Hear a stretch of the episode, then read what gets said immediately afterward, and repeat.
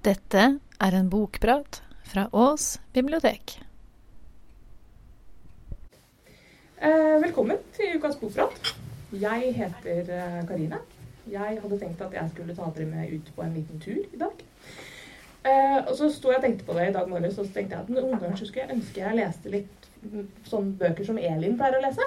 Så jeg kunne ta dere med til sånn koselig sted. At vi kunne dratt til Paris, f.eks. Hengt litt med Ernest Hemingway. Noe sånt. Men vi leser veldig forskjellige bøker, jeg og Elin, altså. Så vi skal ikke til Paris. Vi skal til uh, Gilead. Og det betyr at jeg skal snakke om tjenerinnens beretning. Roligere og høyere. Roligere og høyere. Jeg skal prøve. Vi skal til Gilead, og det betyr at jeg skal snakke om tjenerinnens beretning av Margaret Atwood.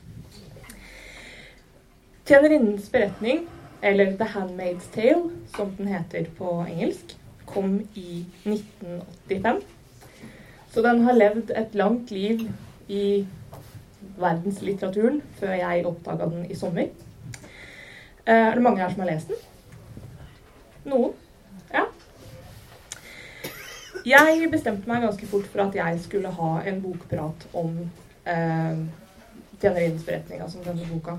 Um, men når det kom så langt som til at jeg skulle begynne å planlegge selve bokpraten, altså hva jeg skulle si, hvordan jeg skulle vinkle det, hva jeg skulle legge, legge vekt på, så ble det fort veldig vanskelig. Jeg har lagt merke til det at jeg har det litt sånn med bøker som jeg liker veldig, veldig godt. For jeg tenker uh, det at alt er jo bra, liksom. Hvordan skal jeg klare å velge ut noe?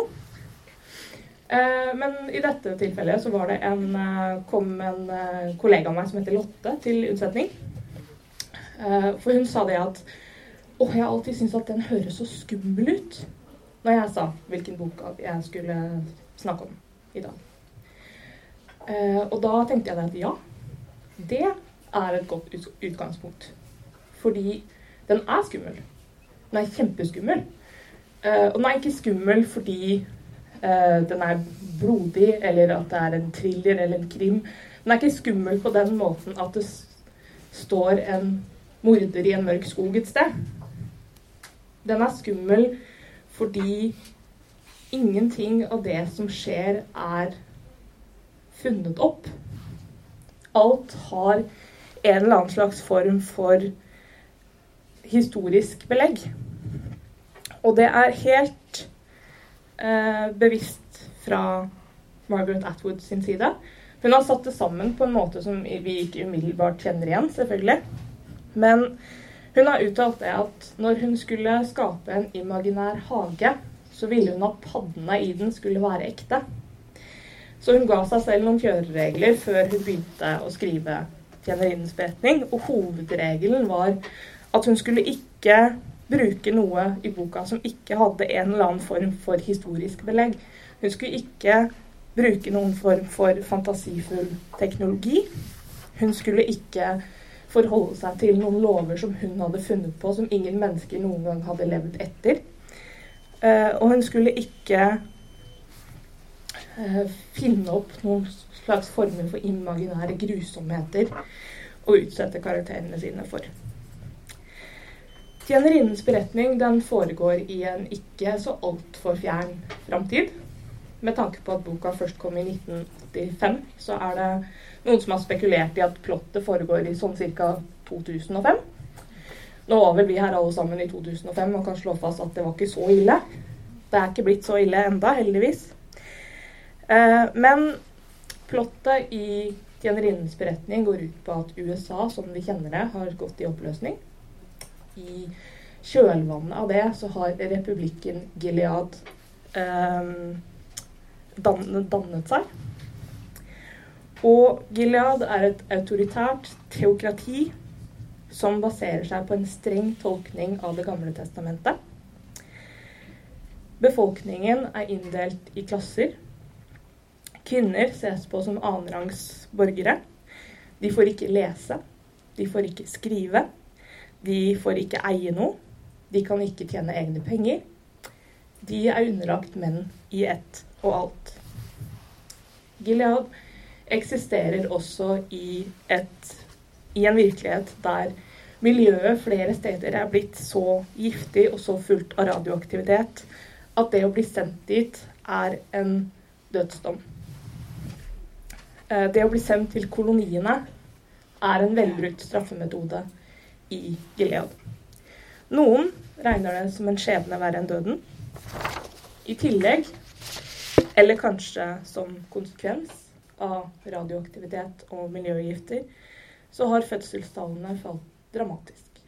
Så dramatisk at de i Gilead som fortsatt er fruktbare, tilhører en egen klasse. De er tjenerinner. Tjenerinnene lever i husholdningen til førerne og skal sørge for avkom for førerne og hustruene deres. Dette gjøres gjennom et jevnlig rituale som bare er kjent som seremonien. Hovedpersonen i boka er, som tittelen antyder, en tjenerinne. Hun heter Offred. Som alle de andre tjenerinnene så har hun navn etter den føreren hun er hos akkurat nå. Offred of Fred. Men hun husker fortsatt en virkelighet da hun hadde et annet navn, som var hennes eget. Hun husker at hun tjente egne penger. Eh, at hun hadde en mann og en datter. Um, når jeg tenker på andre dystopier som jeg har sett eller lest, så tenker jeg at det er ofte et slags element av Hva skal jeg kalle det? Sånn er det bare. En slags sånn selvfølgelighet. Um, I den betydningen at selv om det ofte refereres til det som var før, og det som var før uh, fremstilles som bedre enn det som er nå, så er det et ganske klart skille. Du kan få det i flashback f.eks., eller sånn, sånn bakgrunns, bakgrunnshistorie. Men det som var før, og det som er nå, er, har rukket å bli to forskjellige enheter, eh, på en måte. Og, men i, i tjenerinnens beretning så føler jeg at den overgangen, den er liksom en del av hele greia, fordi at offeret tilhører første, første generasjon. Hun husker hvordan det var før. Alle de andre tjenerinnene husker hvordan det var før. Førerne husker hvordan det var før. Hustruen, de fleste i samfunnet husker hvordan det var før, når Gilead ikke eksisterte. Og de gnisningene mellom det som var før og det som er nå, er så merkbare. Fordi um, det, Og det fører til en, en motsigelse som på samme tid er grusom og veldig, veldig fascinerende. På innsiden er Offred på mange måter den samme som hun var før. Hun har de samme egenskapene. Hun kan lese, hun kan skrive. Hun husker veldig godt hvordan det var uh, å tjene egne penger og ha rett til å bruke dem sjæl. Um, og hun husker hvordan det var å kunne velge, hvordan det var å elske, hvordan det var å ha en mann, hvordan det var å være mor.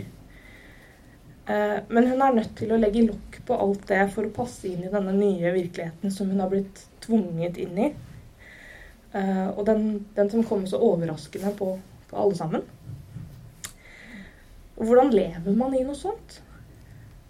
Med en sånn intern konflikt mellom den man var, og den man nå er nødt til å være. Jeg har ikke noe fasitsvar. Eh, boka har heller ikke noe fasitsvar.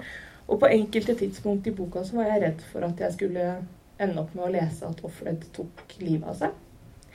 Fordi den, det gapet mellom den hun var og den hun nå må være, er så stort. Så det virker som om det er Som det ikke er noen mulighet til å, til å liksom slå, slå sammen disse to personene til en og samme. Eh, og hun påpeker ganske tidlig at det fins former for flukt. Eh, det fins rom man kan åpne i seg selv med noe skarpt. At det er det de som nå styrer og steller, er redd for. Men hun gjør ikke det. Hun tar ikke livet av seg. Eh, heldigvis. Hun oppdager at selv i Gilead fins det muligheter til å manipulere. Til å få det du vil ha. Eller i hvert fall å få noe. Jeg tenkte at jeg skulle avslutte med en um, liten vri i, i, dag. Jeg hadde tenkt at jeg skulle lese et utdrag for dere først. Og så skal jeg vise dere det samme utdraget som eh, filmklipp. Som TV-serie. For eh, Tjenerinnes beretning har akkurat blitt fått en ny sånn, adaptasjon som, eh, som TV-serie. Den også er veldig, veldig bra. Eh, så jeg har litt lyst til å, å vise dere begge deler. Men jeg skal begynne med å lese, tenkte jeg.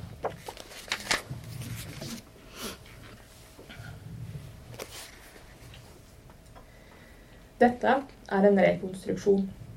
Alt sammen er en rekonstruksjon.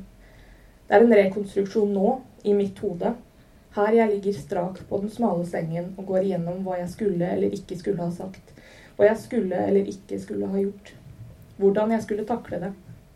Hvis jeg noen gang kommer ut herfra. Vi stopper der. Jeg akter å komme meg ut. Det kan ikke vare evig. Andre har tenkt slik i vanskelige tider før, og de fikk alltid rett. De kom seg ut på en eller annen måte, og det varte ikke evig, selv om det kan ha vart i det de hadde av evighet. Når jeg kommer ut herfra, hvis jeg noen gang får satt dette ned i en eller annen form, om så bare i form av én stemme til en annen, blir det også en rekonstruksjon, og enda et hakk fjernere. Det er, no det er, umulig å fortelle noe nøyaktig slik det var, for det man sier, kan aldri bli nøyaktig. Man må alltid utelate noe. Det er så mange deler, sider, motsigelser, nyanser, for mange gester som kan bety det ene eller det andre, for mange former som aldri kan beskrives fullstendig, for mange smaker, i luften eller på tungen, halvfarger, for mange.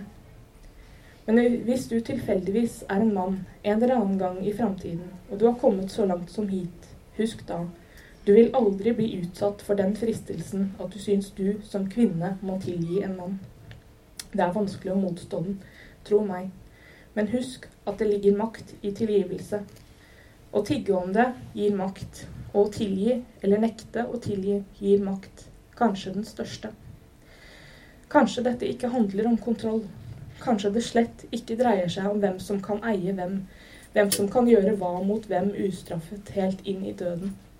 Kanskje det ikke dreier seg om hvem som får sitte, og hvem som må knele eller stå eller ligge med adskilte bein. Kanskje det handler om hvem som kan gjøre hva mot hvem og få tilgivelse for det. Kom ikke og si at det går ut på ett.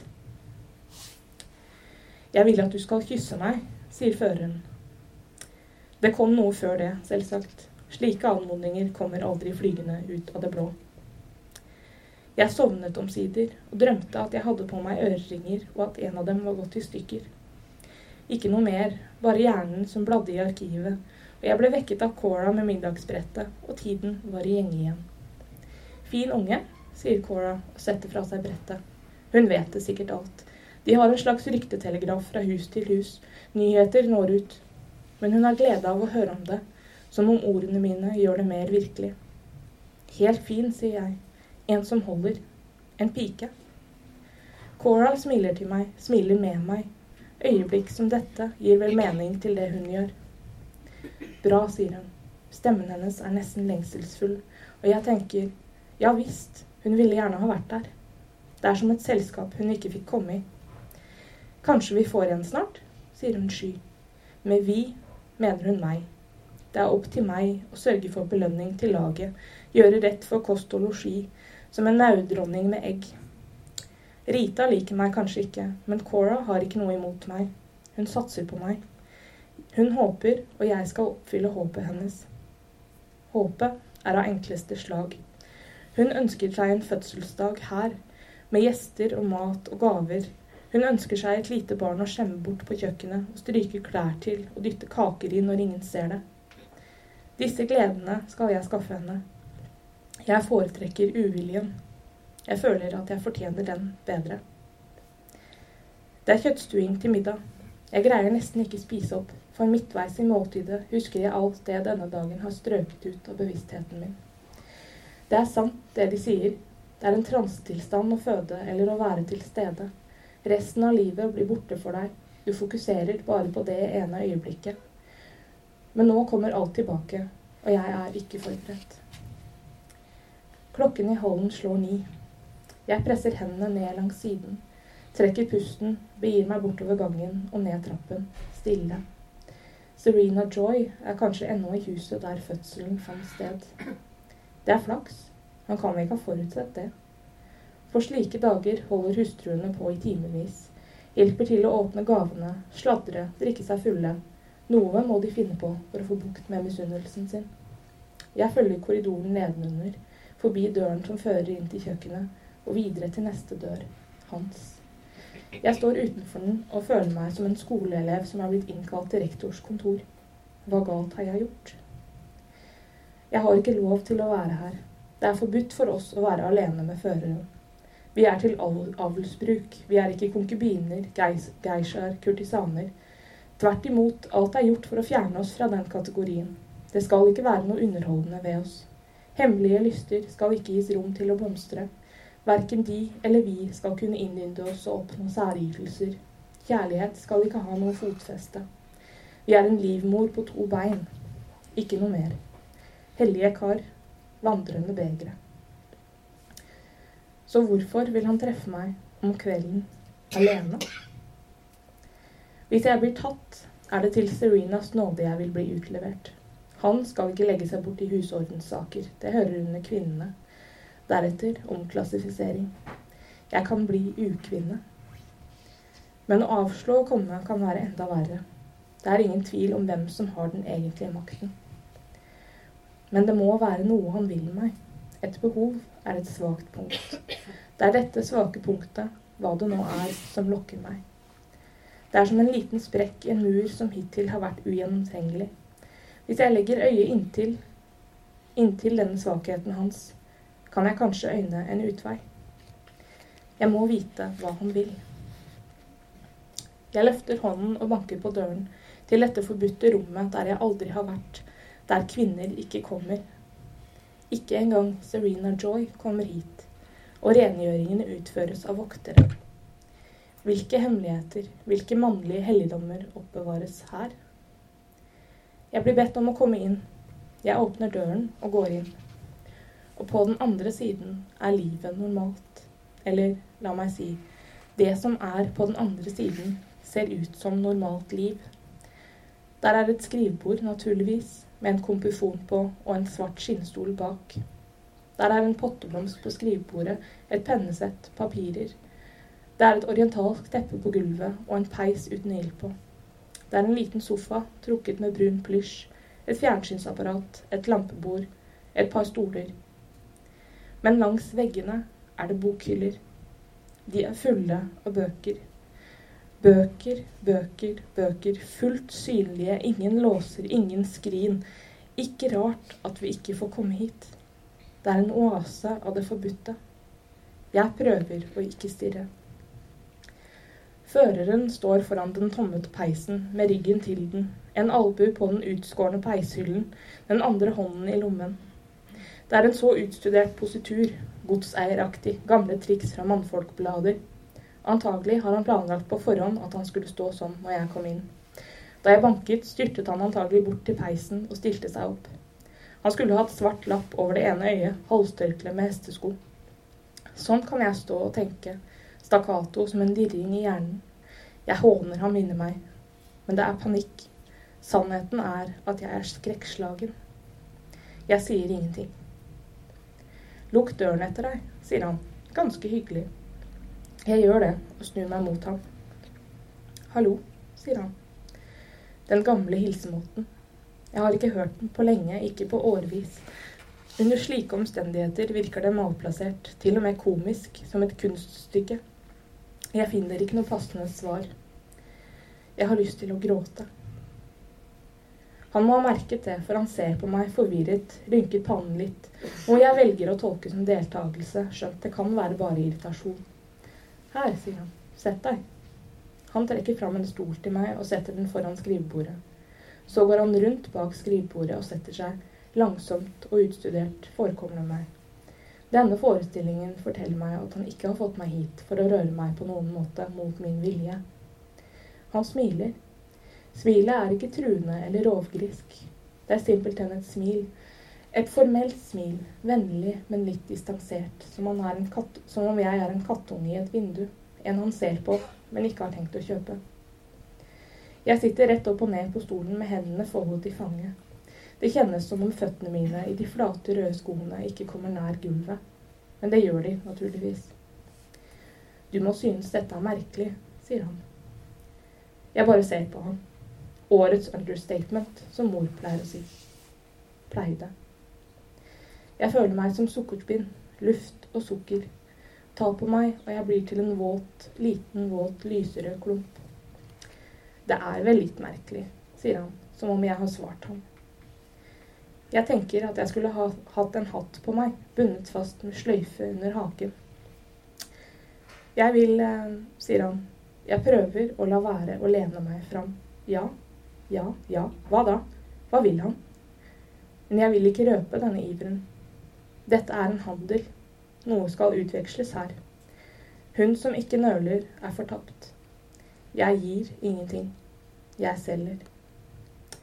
Jeg vil gjerne, sier han, dette høres vel dumt ut. Han ser faktisk flau ut. Hjelpeløs, slik menn en gang pleide å se ut. Han er gammel nok til å huske det uttrykket, og til å huske hvor tiltrekkende kvinner fant det. De unge kan ikke slike knep. De har aldri tenkt å bruke dem. Jeg vil gjerne at du skal spille Scrabble med meg, sier han. Jeg holder meg fullstendig stiv. Jeg holder ansiktet ubevegelig, så det er det som skjuler seg i det forbudte rommet. Scrabble. Jeg har lyst til å le, hyle av latter, ramle av stolen.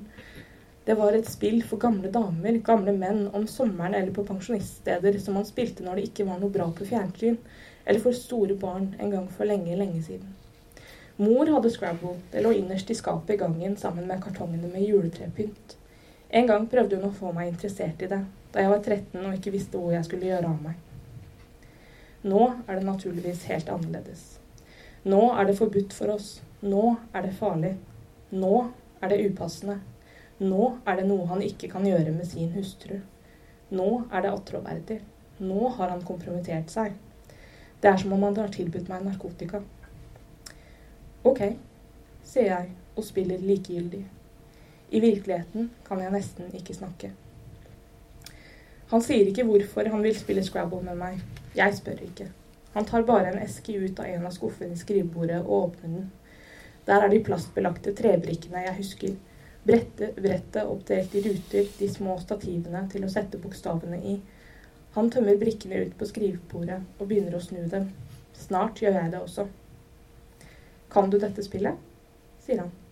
Jeg nikker. Vi spiller to ganger. Svinks, staver jeg. Balanse. Quiz. Traume. Jeg holder de blanke, glatte brikkene, kjenner på bokstavene. Følelsen er overdådig. Dette er frihet. Et øyeblikks frihet. Halte, staver jeg. Fråtse. For en luksus. Brikkene er som sukkertøy. Peppermynte. Kjølige. Jeg har lyst til å putte dem i munnen. Eller sitronsmak. Bokstaven S. Sprøtt. Saftig. Syrlig på tungen. Sursøtt. Jeg vinner det første spillet. Det andre lar jeg ham vinne. Jeg har ennå ikke oppdaget hva vilkårene er, hva jeg kan be om til gjengjeld. Til sist sier han at det er på tide at jeg går hjem. Han bruker de ordene. Gå hjem. Han mener på rommet mitt. Han spør meg om det er trygt, som om trappen er en mørk gate. Jeg sier ja. Vi åpner kontordøren på gløtt og lytter etter lyder på gangen. Det er som å være ute med en gutt det er som å snike seg inn på internatet etter sengetid. Det smaker av sammensvergelse. Takk, sier han, for spillet. Så sier han, jeg vil at du skal kysse meg. Jeg tenker på at jeg kan ta fra hverandre toalettet på badet mitt en kveld jeg skal bade, hurtig og lydløst så ikke Cora utenfor på stolen hører meg. Jeg kan ta ut den spisse stangen og gjemme den i ermet og smugle den inn på førerens kontor neste gang, for etter en slik anmodning blir det alltid en neste gang, enten den sier ja eller nei. Jeg tenker på at jeg kan nærme meg føreren for å kysse ham, alene her, ta av ham jakken som for, som for å invitere til noe mer, virkelig kjærlighet. Legge armene rundt ham og la stangen gli frem fra ermet og kjøre den spisse enden brått inn i ham mellom ribbeina. Jeg tenker på blodet som vil strømme ut av ham, varmt som suppe, seksuelt over hendene mine. Sannheten er at jeg ikke tenker på noe slikt i det hele tatt. Jeg dikter det til senere. Jeg går bort til ham og legger leppene lukket mot hans. Jeg lukter etterbarberingsvann, den vanlige sorten. Sneven av møllkuler, velkjent nok. Men han er som en jeg nettopp har truffet. Han trekker seg unna, ser ned på meg. Der er smilet igjen, det hjelpeløse. Så åpent. Ikke sånn, sier han. Som om du mente det. Han var så trist. Det er også en rekonstruksjon.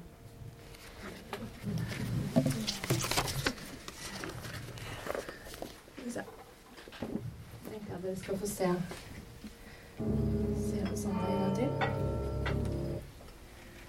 Åh, oh, jeg syns det der er en helt fantastisk scene. Da fikk dere se um, i flere kanaler, holdt jeg på å si. Både med det indre og det ytre øyet. Nei, det, det hørtes rart ut. Men det var, eh, det var i hvert fall det jeg hadde. Både boka og TV-serien anbefales sterkt fra dette holdet. Takk for meg.